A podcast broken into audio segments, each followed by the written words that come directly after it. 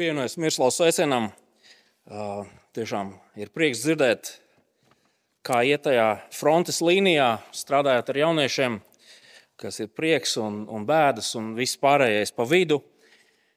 Draudzes sapulcē, es tikai gribēju piebilst, draudzes sapulcē, protams, piedalās visi draudzes locekļi, bet šī sapulce nav kaut kāda tāda, tāda slēgta grupiņa, kur, kur kaļ plāns par to, kā pārņemt pasauli ja jūs sev pieskaitāt šai draudzē, un jūs vispār interesē, kas, kas šajā draudzē notiek, jūs mierīgi varat piedalīties šajā sapulcē. Tās lietas, kuras jūs dzirdēsiet, um, nav nekādi noslēpumi, un, un, un tās ir labas lietas. Ko, draugi, šajā dienā mēs noslēgsim mūsu gājienu cauri Pāvila vēstules romiešiem, tai sarežģītajai daļai, 9. līdz 11. nodaļai. Tādēļ es aicinu, ka mēs varētu uh, atvērt mūsu Bībelēs 11. nodaļu. Un šajā dienā mēs mēģināsim arī pievērsties visai šai nodaļai.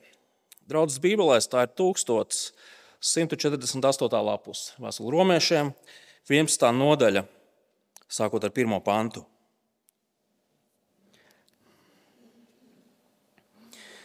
Tad nu es jautāju, vai Dievs savu tautu ir atstūmis?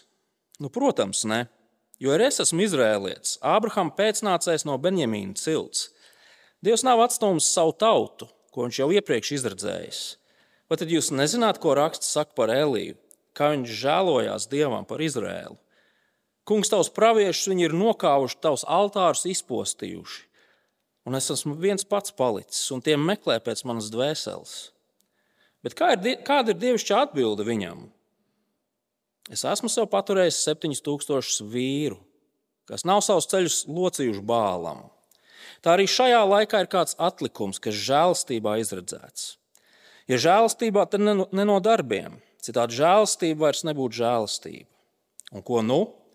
Pēc kā Izraels dzēnas to viņš nav sasniedzis, tikai izredzētie to sasnieguši. Pārējos sirds tika nocietinātas. Gluži kā rakstīts, Dievs tiem ir devis trūluma garu, acis, lai tie neredzētu, un ausis, lai tie nedzirdētu. Līdz pat šai dienai. Un Dāvids saka, lai viņu mīlestības kļūst tiem par cilpu un slazdu, par piedauzību un par atmaksu, lai viņa acis ir aptumšotas, tā ka tie neredz, un viņa muguras, lai vienmēr ir saliektas. Tad es jautāju, vai tie ir paklupuši, lai kristu pavisam? Nu, protams, ne. Bet caur viņu krišanu pestīšana ir tikusi pagāniem, lai Izraēlu darītu greizsirdīgu. Bet, ja viņu krišana ir pasaulē bagātība un viņu zaudējums bagātība pagāniem, cik lielāka bagātība viņu pilnums? Jums pagāniem es saku, tā kā esmu pagāna apustulis, es turu godā savu kalpošanu, lai cerams darītu greizsirdīgus tos, kas ir manējie pēc miesas, un lai izglābtu dažus no viņiem. Ja jau viņa atmešana ir pasaules izlīgums, kas gan cits būs viņu pieņemšana, ja ne miršu atdzīvošanās? Ja pirmā raža ir svēta, tad arī visa mīkla, un ja sakne ir svēta, tad arī zari. Ja daži zari ir nolausti, bet tu zars no savvaļas olīvu koka uzpotāts to vietā, esi saņēmis daļu no dārza olīvu koka saknes traknuma, tad nelielies citu zaru priekšā, bet ja lielies, tad zini, Nevis tu nes sakni, bet sakne tevi. Tu gan sacīsi, zari tika nolausti, lai es tiktu uzpotēts. Tas tiesa. Neticības dēļ tie tika nolausti, bet tu stāvi ticības dēļ. Nē, es tādēļ augstprātīgs, bet esi bijīgs. Ja Dievs nav taupījis dabīgos zarus, viņš arī tevi var nesaudzēt. Redzi, kāda ir Dieva laipnība un Dieva bardzība. Par tiem, kas krituši, ir Dieva bardzība, pret tevi dieva laipnība. Ja vien tu tajā neatlaidīgi paliec, citādi arī tevi nocirtīs. Un arī viņi, ja nepaliks neticībā, tiks uzpotēti, jo Dievs spēja viņus uzpotēt no jauna. Jau tu esi nocirsts no olīvu koka, kas pēc dabas ir savvaļas, un pret, pret savu dabu uzpotēts dārza olīvu kokām. Cik daudz vairāk tie tiks uzpotēti savā pašu olīvu kokā? Es, brāļi, negribu, lai jūs atstātu neziņā par šo noslēpumu, lai jūs paši sev neliktos gudri.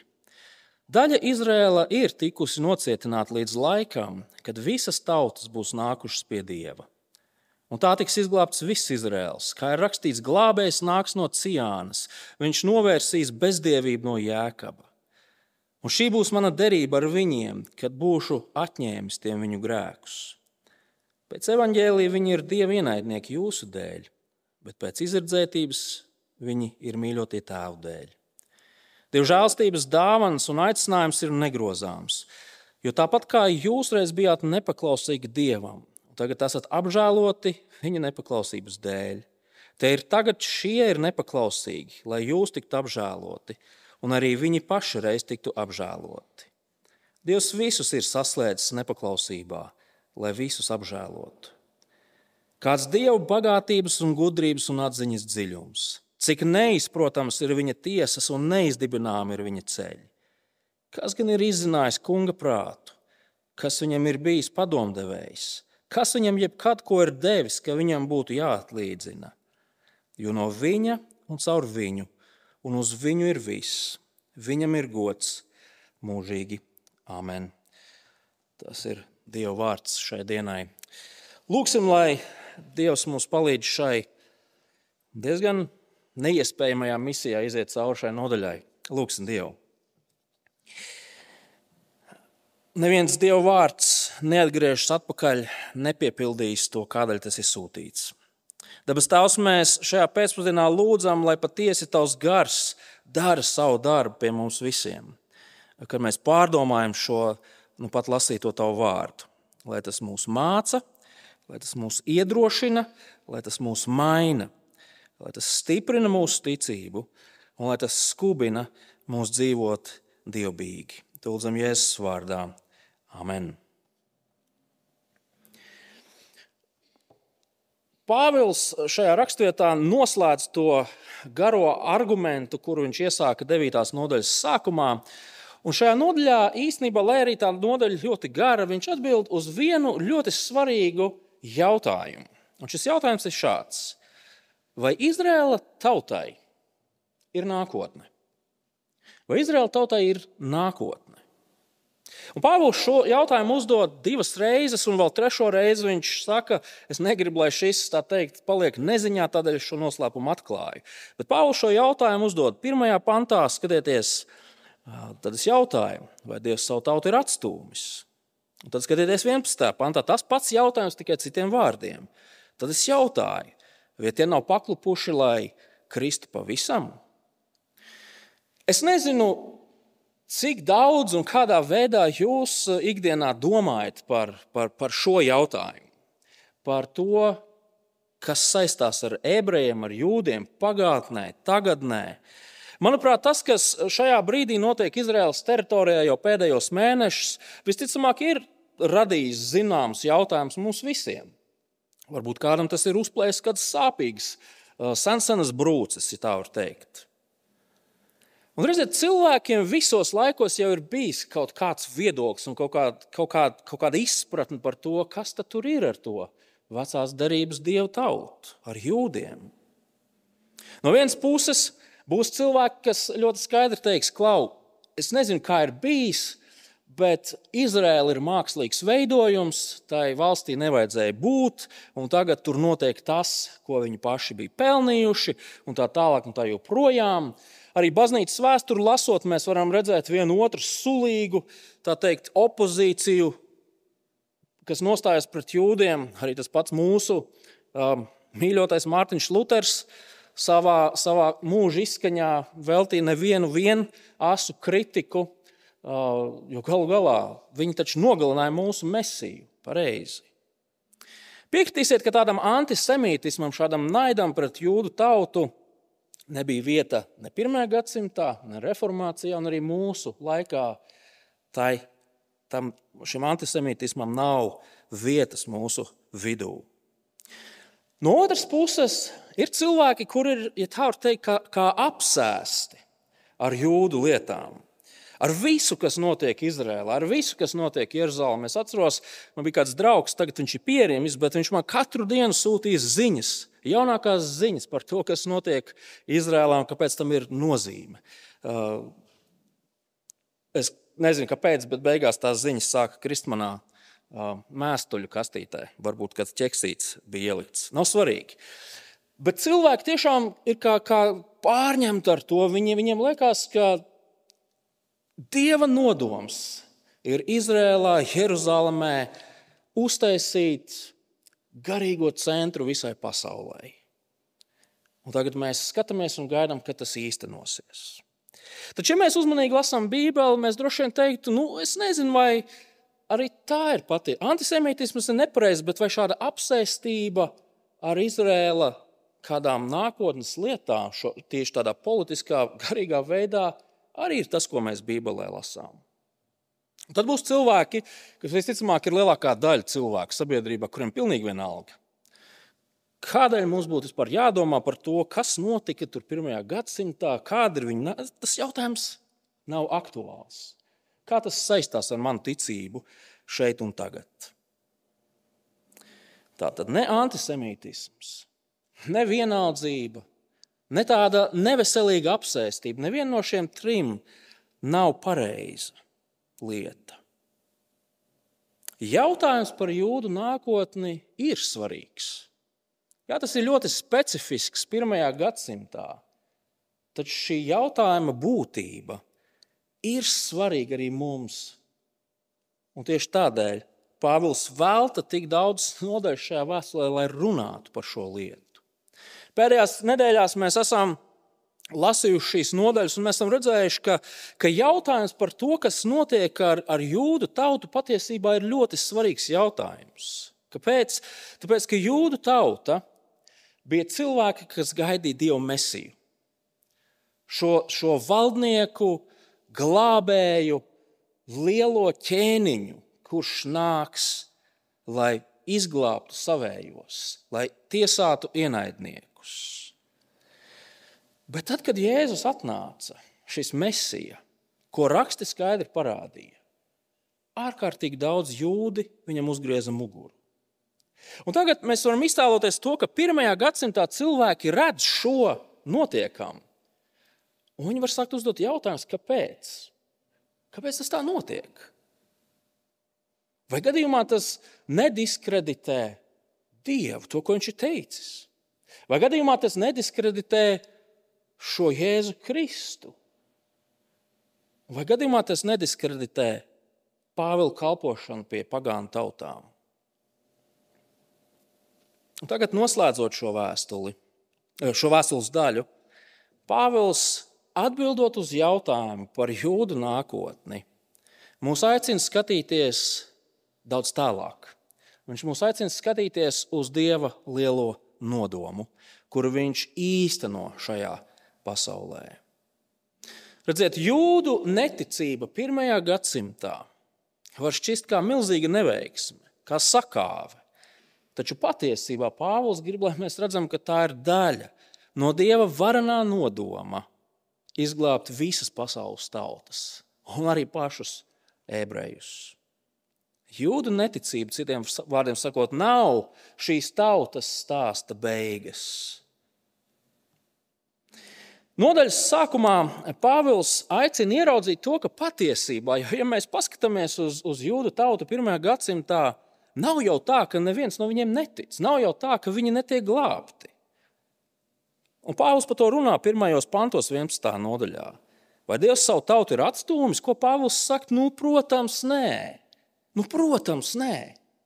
Un šajos pantos, jūs pamanījāt, Pāvils izmanto trīs argumentus, lai pateiktu, kāpēc Dievs nav atstūmis savu tautu. Pirmkārt, viņš izmanto pats sevi. Jo arī es esmu izrēlietis, Ābrahama pēcnācējs, no Beņģīna cilts. Pāvils ir tīras viņa ebrejs. Um, savulaik spītīgs Kristus, sekotāja vajātājs. Bet tagad Kristus apustulis pie tautām. Dievs ir izglābis vismaz vienu ebreju pareizi.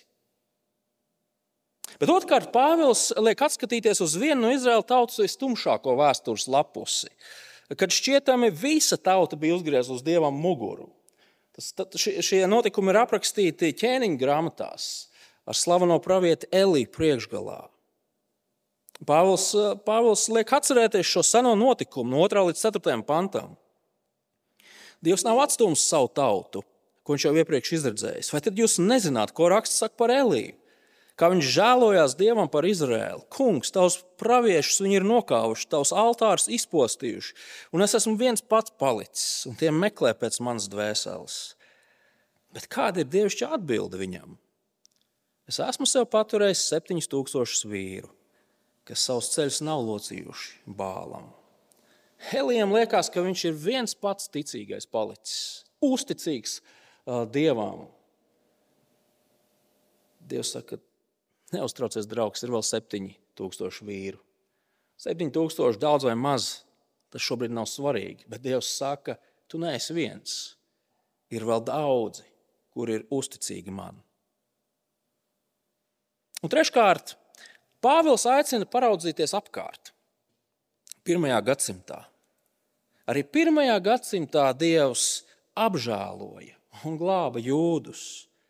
Tā arī šajā laikā ir kāds atlikums, kas žēlastībā izredzēts, saka 5. pants. Un, draugi, ja mēs lasām jauno derību, ja mēs lasām, piemēram, apakstuļu darbu grāmatu, mēs redzam, to, ka jā, tur bija milzīgs naids no jūdu puses attiecībā uz, uz kristiešiem. Bet kas tad bija pirmie kristieši? Kas veidoja pirmās kristīgās draudzes? Jūdi. Dievs glāba jūdus, radot pirmās kristīgās draudzes. Dievs glābi savus ļaudis. Arī šajā, šajā vēstulē mēs atvērtu 16. nodaļu, mēs redzētu, ka tur ir milzīgs saraksts ar, ar, ar cilvēkiem, kurus Pāvils liek sveicināt Romas draudzē. Un šo cilvēku vidū ir arī jūdi, ebreji. Dievs ir glābis ebrejus Romā.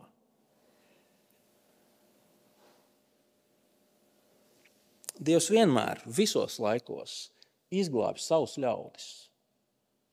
Dievs dara glābšanas darbu vienmēr pie saviem ļaudīm. No 7. līdz 10. pantam Pāvils kaut kādā ziņā savalk kopā visu to, ko mēs jau 9. un 10.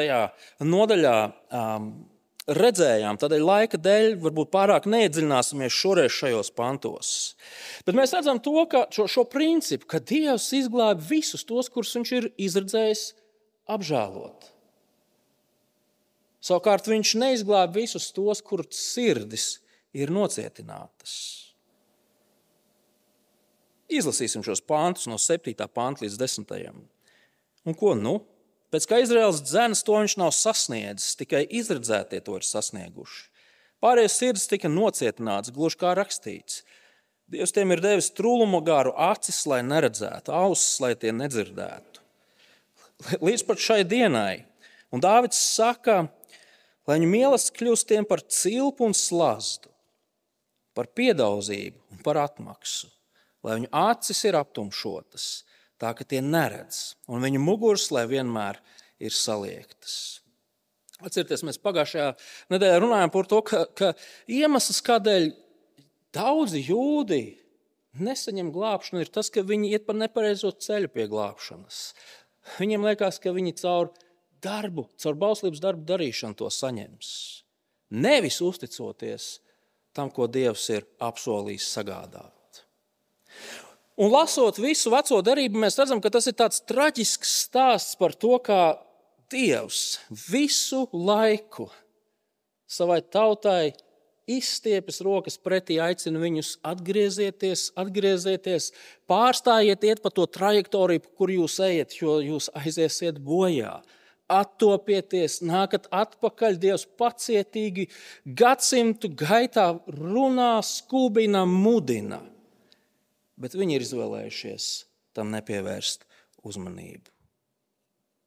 Un tā Dievs nocietina viņu jau tā cietās sirdis. Šajos pirmajos desmit pantos Pāvils vēlas, lai mēs, lai mēs varam būt droši kā lasītāji. Ka tā, tā, tā bilde ar jūdiem nav tik melna, kā varbūt kāds gribētu mālēt. Dievs visos laikos ir glābis savus ļaudis. Viņš visos laikos ir gādājis par to, lai viņa izredzētie tiktu izglābti.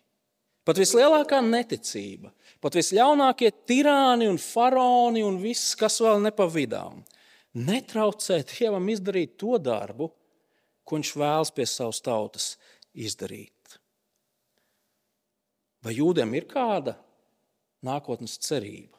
Pāvils saka, viņiem ir cerība arī tagad. Taču tā ir tikai maza daļiņa no Pāvila atbildes. Pāvils vēlas, lai mēs ejam tālāk. Lai mēs ejam tālāk, viņš grib, lai mēs, lai mēs ieraugām lielo bildi. Lai mēs ieraugām to, ka, ka šī jūdu neticība patiesībā ir daļa no Dieva milzīgā, grandiozā plāna izglābt visas pasaules tautas. Mēs cilvēcīgi varam skatīties uz jūdu neticību un teikt, kas par, cik žēl kāda izgāšanās. Kaut kas ir nogājis greizi. Taču Pāvils vēlas, lai mēs skatāmies uz to un redzam kaut ko iespaidīgu, varbūt līdz galam nesaprotam, ko Dievs patiesībā īsteno. Jūda neticība pirmajā gadsimtā pavisam noteikti nav šīs tautas stāsta beigas. Bet ir svarīgi saprast, kā Pāvils par šo nākotni runā. Jo redziet, Dievam ir liels nodoms izglābt ļaudis no visām pasaules tautām. Un tas ir tas, ko mēs redzam atlikušajā nodaļā, burtiski līdz, gandrīz pat līdz nodaļas beigām, sākot ar 11. pantu. Un Dievs um, šo lielo dieva nodomu šīs dienas raksturvietā mēs varētu, mēs varētu aprakstīt kā tādu trīs soļu programmu vai, vai, vai procesu, kas sastāv no trīs fāzēm. Un mēs redzēsim, ka Pāvils šos, šīs trīs fāzes atkārto vienreiz, otrreiz, trešoreiz, ceturtoreiz, varbūt pat piecas reizes. Vienu un to pašu šo, šo, šīs trīs fāzes, kāpēc? Lai mēs varētu būt droši par to, ko Pāvils šeit saka. Kas ir šīs trīs fāzes? Pirmā fāze, ja pirmais solis Jūdi savas sirds um, cietības dēļ netic Kristum. Tas ir fakts. Otrā fāze - viņu neticība. Pārsteidzošā veidā panāk to, ka Kristus evaņģēlīs aiziet pie pasaules tautām, pie pagāniem. Un kaut kādā vēl pārsteidzošākā veidā viņi sāk ticēt šim Kristum, un viņi tiek izglābti. Un tad ir trešā fāze. Jūda kļūst greizsirdīgi, un arī viņi tiek izglābti. Tad ir trīs fāzes, kas šajos pantos iet uz rīņķi. Jūdu neticība, pagānu ticība, jūdu greizsirdība un glābšana. Ieskatieties 11. pantā. Tad es jautāju, vai tie nav paklupuši, lai kristu pavisam? Nu, protams, nē, bet caur viņu krišanu Pestīšana ir tikusi pagāniem, lai Izraēlu darītu greizsirdīgu. Vienā teikumā savilkts kopā šis trīs soļu cikls. Pāvils vai jūdi ir galēji atkrituši? Nē, jūdu stāstam ir turpinājums, bet viņi ir atkrituši. Evanģēlis iet pie tautām. Viņi tiek glābti. Un tad jūdi kļūst greizsirdīgi. Man liekas, tā greizsirdības valoda, neieejot kaut kādās sarežģītās teorijās, mēs varam vienkārši iztēloties. Tev ir kaut kas tāds, kas ir svarīgs, vērtīgs, un es arī to gribu. Jūris skatās uz pagānu tautām un redz to, ka viņi pielūdz viņu mesiju, to, kuru viņi ir gaidījuši. Jūris skatās uz pagānu tautām un to, kā Dievs maina viņus. Iespējams, tas ir tas, ko šī greizsirdība nozīmē. Viņa saka, es arī to gribu. Man arī to vajag. Šos pašus trīs soļus mēs redzam arī 12. pantā. Skatieties, bet ja viņu krišana, pirmais solis, ir pasaulē bagātība, un viņu zaudējums, otrais solis, viņa zaudējums bagātība pagāniem, otrais solis, cik liela bagātība viņu pilnums, trešais solis. Jūdi netic un krīt, tas ir ieguvums pagāniem, bet vēl lielāka bagātība būs jūdu atgriešanās. Šo pašu soli mēs redzam pārsteigums 15. pantā. Skatieties, ja jau viņu atmešana ir pasaulē izlīgums, kas gan cits būs viņu pieņemšana? ja ne mirušo augšām atdzīvošanās, jūdu atmešana, pasaules tauta izlīgums, jūdu pieņemšana. Redziet, Pāvils šo dieva lielo nodomu ir sapratis. Un tieši tādēļ, manuprāt, viņš, viņa sirds dega ilgās pēc, tieši tādēļ, ka viņa sirds dega ilgās pēc savu tautiešu glābšanas, viņš bija tik ļoti nodevies pagānu misijai. Kāpēc? Tāpēc, ka viņš bija pārliecināts, ka jo vairāk pagāni uzzinās par Kristu, jo vairāk viņi tiks izglābti, jo lielākas cerības uz ko? Uz jūdu greizsirdību un jūdu glābšanu. Skatieties, 13. un 14. pantā.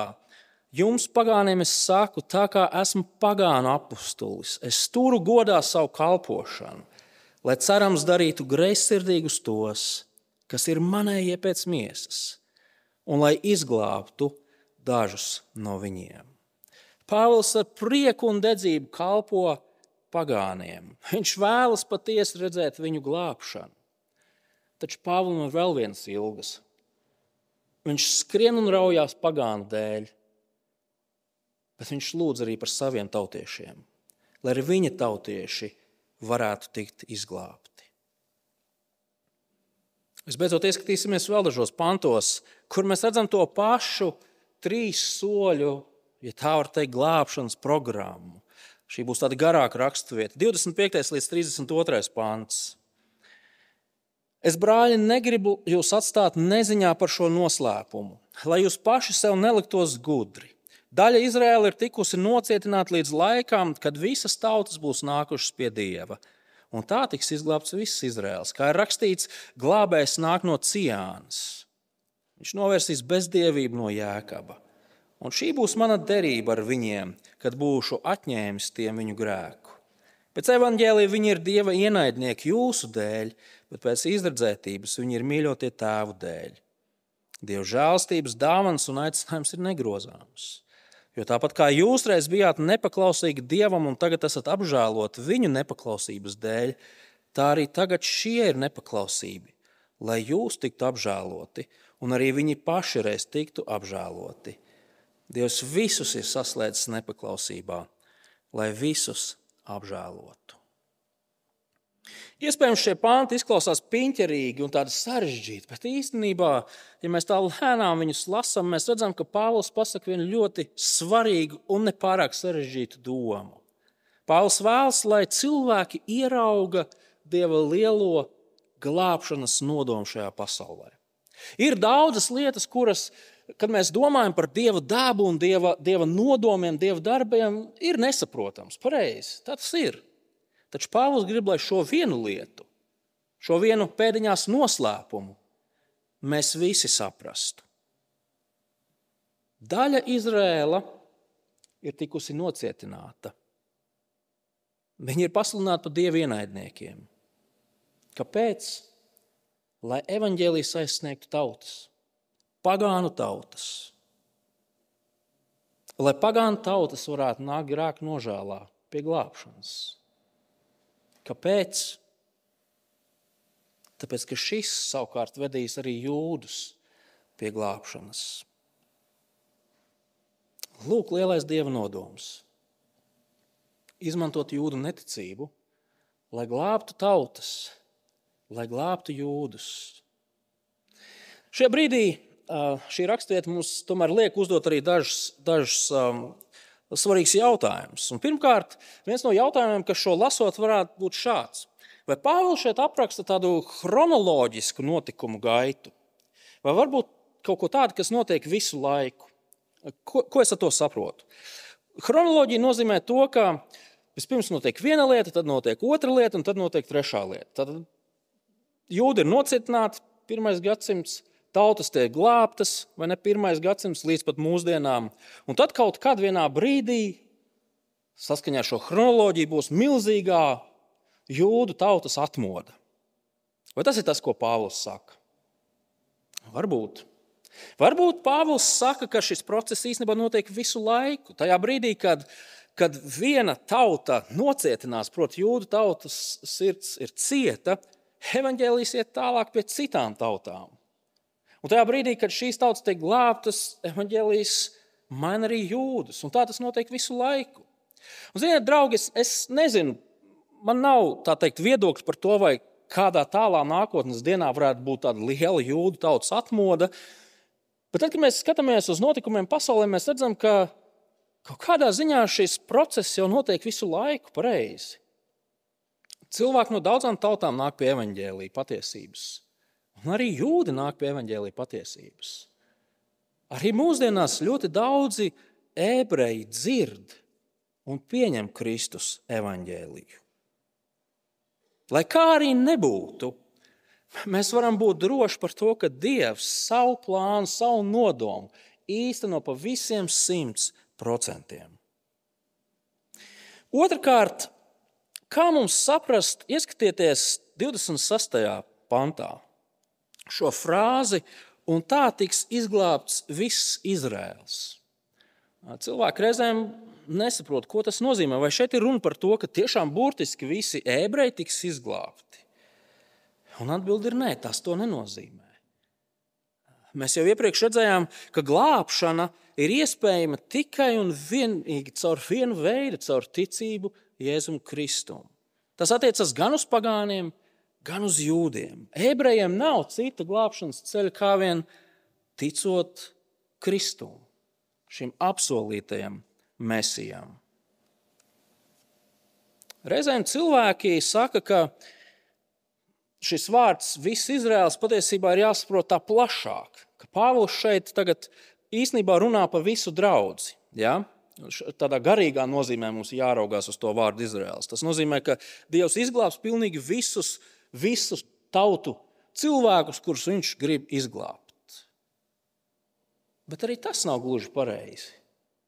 Kāpēc mēs tā raudzītos uz šo pantu? Un, manuprāt, ja mēs esam studējuši šīs trīs nodaļas, mēs jau īstenībā zinām, ko Pāvils ar šo pantu domā. Ko šī frāze nozīmē? Redziet, jau otrajā nodaļā Pāvila vēstulē viņš saka, ka patiesais Izraels, īstais Izraels, īstie dievi ļaudis ir nevis etniskie, apgaizītie visi kā viens, bet kuri tie, kuru sirds ir apgaizīta. Tie ir īsti izrēlieši. Tāpat arī 9. nodaļā mēs redzam kaut ko ļoti līdzīgu. Ne jau etniskie ebreji ir īstā, patiesā dieva tauta, bet tie, kas ir saņēmuši apsolījumu, kas turās pie apsolījuma, ir patiesie izrēlieši. Un vai nevarētu būt tā, ka šajā brīdī Pāvils saka, draugi, jūs varat būt simtprocentīgi, absolūti pārliecināti, ka Dievs izglābs pilnīgi visus jūdus, kas ir patiesi Dieva ļaudis. Neviens netiks pazudināts, neviens neaizies bojā. Izglābti būs visi. Vai ebreji ir bezcerīgi pazuduši?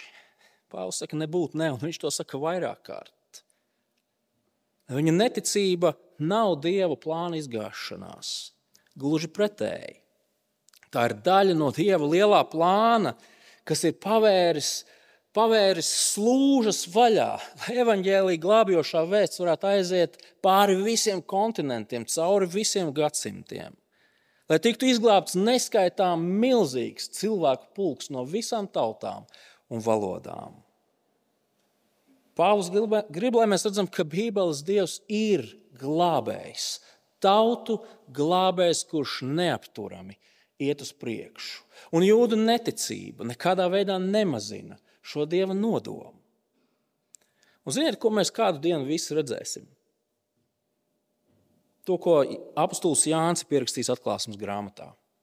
Septītā nodaļā mēs redzam šī grandiozā dieva nodoma piepildījumu. Ieklausieties šajos vārdos. Atklāsmes grāmatas 7. nodaļa, 9. līdz 10. pants. Pēc tam es ieraudzīju un redzu. Liels pūlis, ka nesaskaitīt no visām tautām, un ciltīm, un ļaudīm un valodām, kas baltos tērpos un palmu zariem rokās stāv troņu un jēra priekšā. Viņi sauc skaļā balsī, pestīšana pieder mūsu dievam, kas sēž tronī un jēram.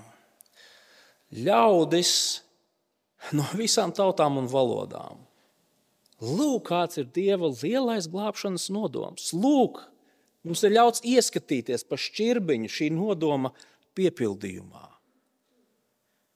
Un tieši ar to Dievs nodarbojas šajā brīdī. Kristus evaņģēliem ejot uz priekšu, cilvēki tiek glābti no visām pasaules malām, no visiem zemes stūriem, izrauti no tumsas, no dieva ienaidniekiem padarīti par dieva ļaudīm.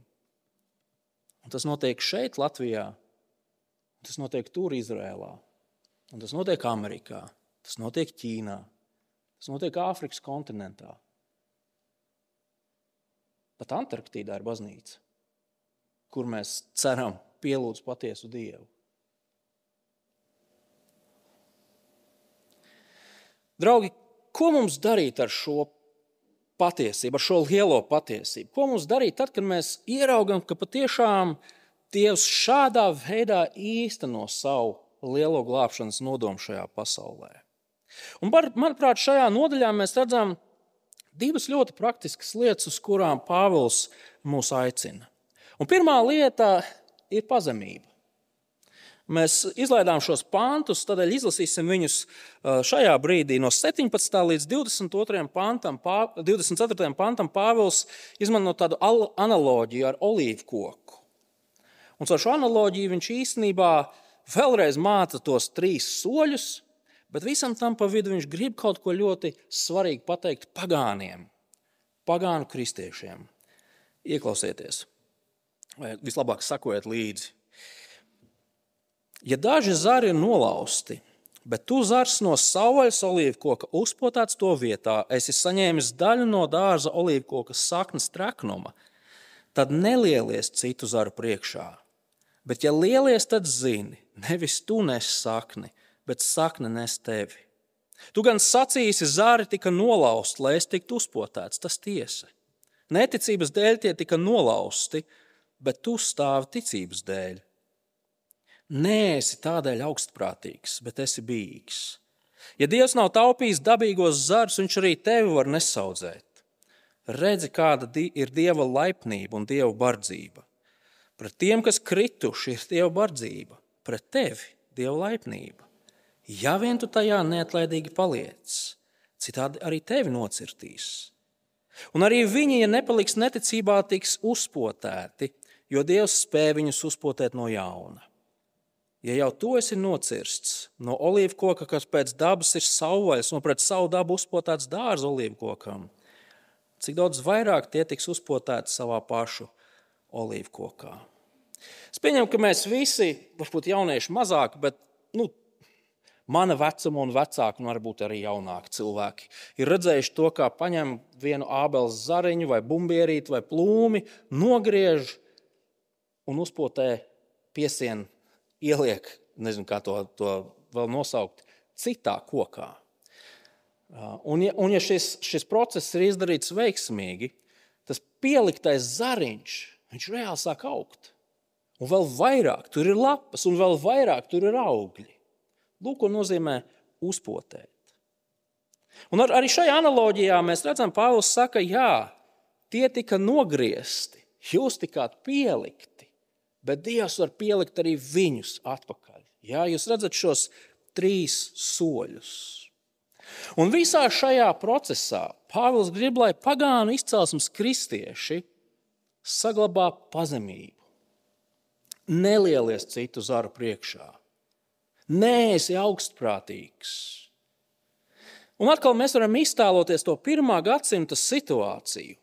Redziet, pagānu kristieši redz šo ebreju nožēlojamo stāvokli, viņu, viņu nevēlēšanos sekot Kristum. Un, cilvē, un, un tie ir cilvēki, kas viņu vis, viņus pagānus visu laiku ir pa suņiem saukājuši, pa lopiem, un tagad viņi ir negodā.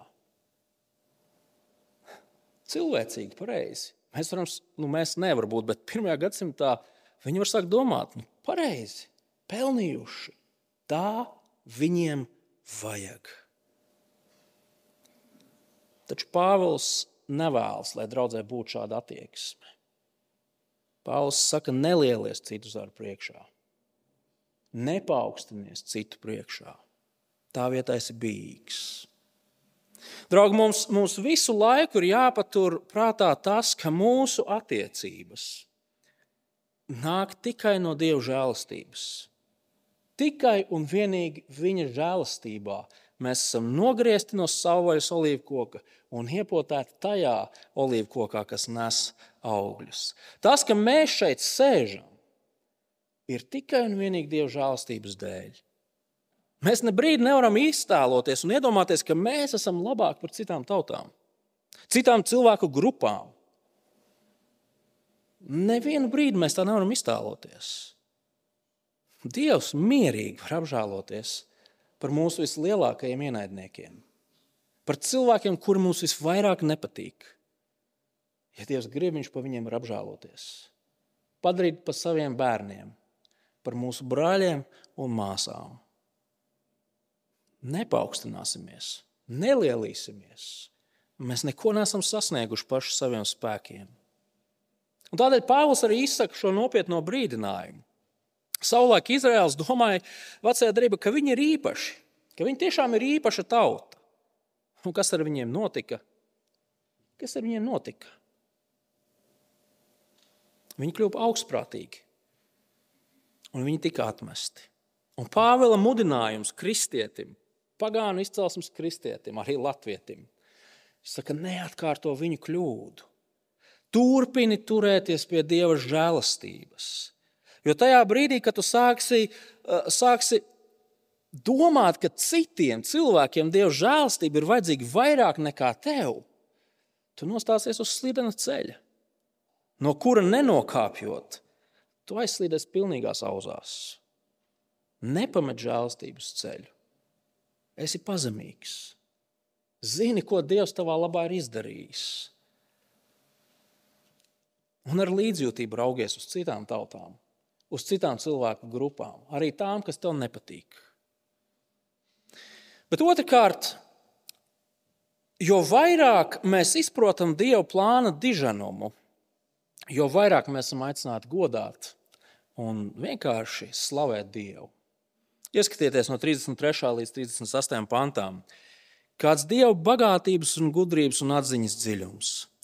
Cik neizprotams ir viņa tiesa un neizdibinām viņa ceļi, kas gan ir izzinājis kunga prātu, kas viņam ir bijis padomdevējs, kas viņam jebkad ko ir devis, ka viņam būtu jāatlīdzina.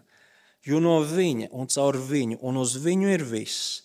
Viņam ir gods mūžīgi. Āmen. Pāvils šajiem vārdiem slavē Dievu, viņš pagodina viņu, viņš, viņš izsaka viņa varenību.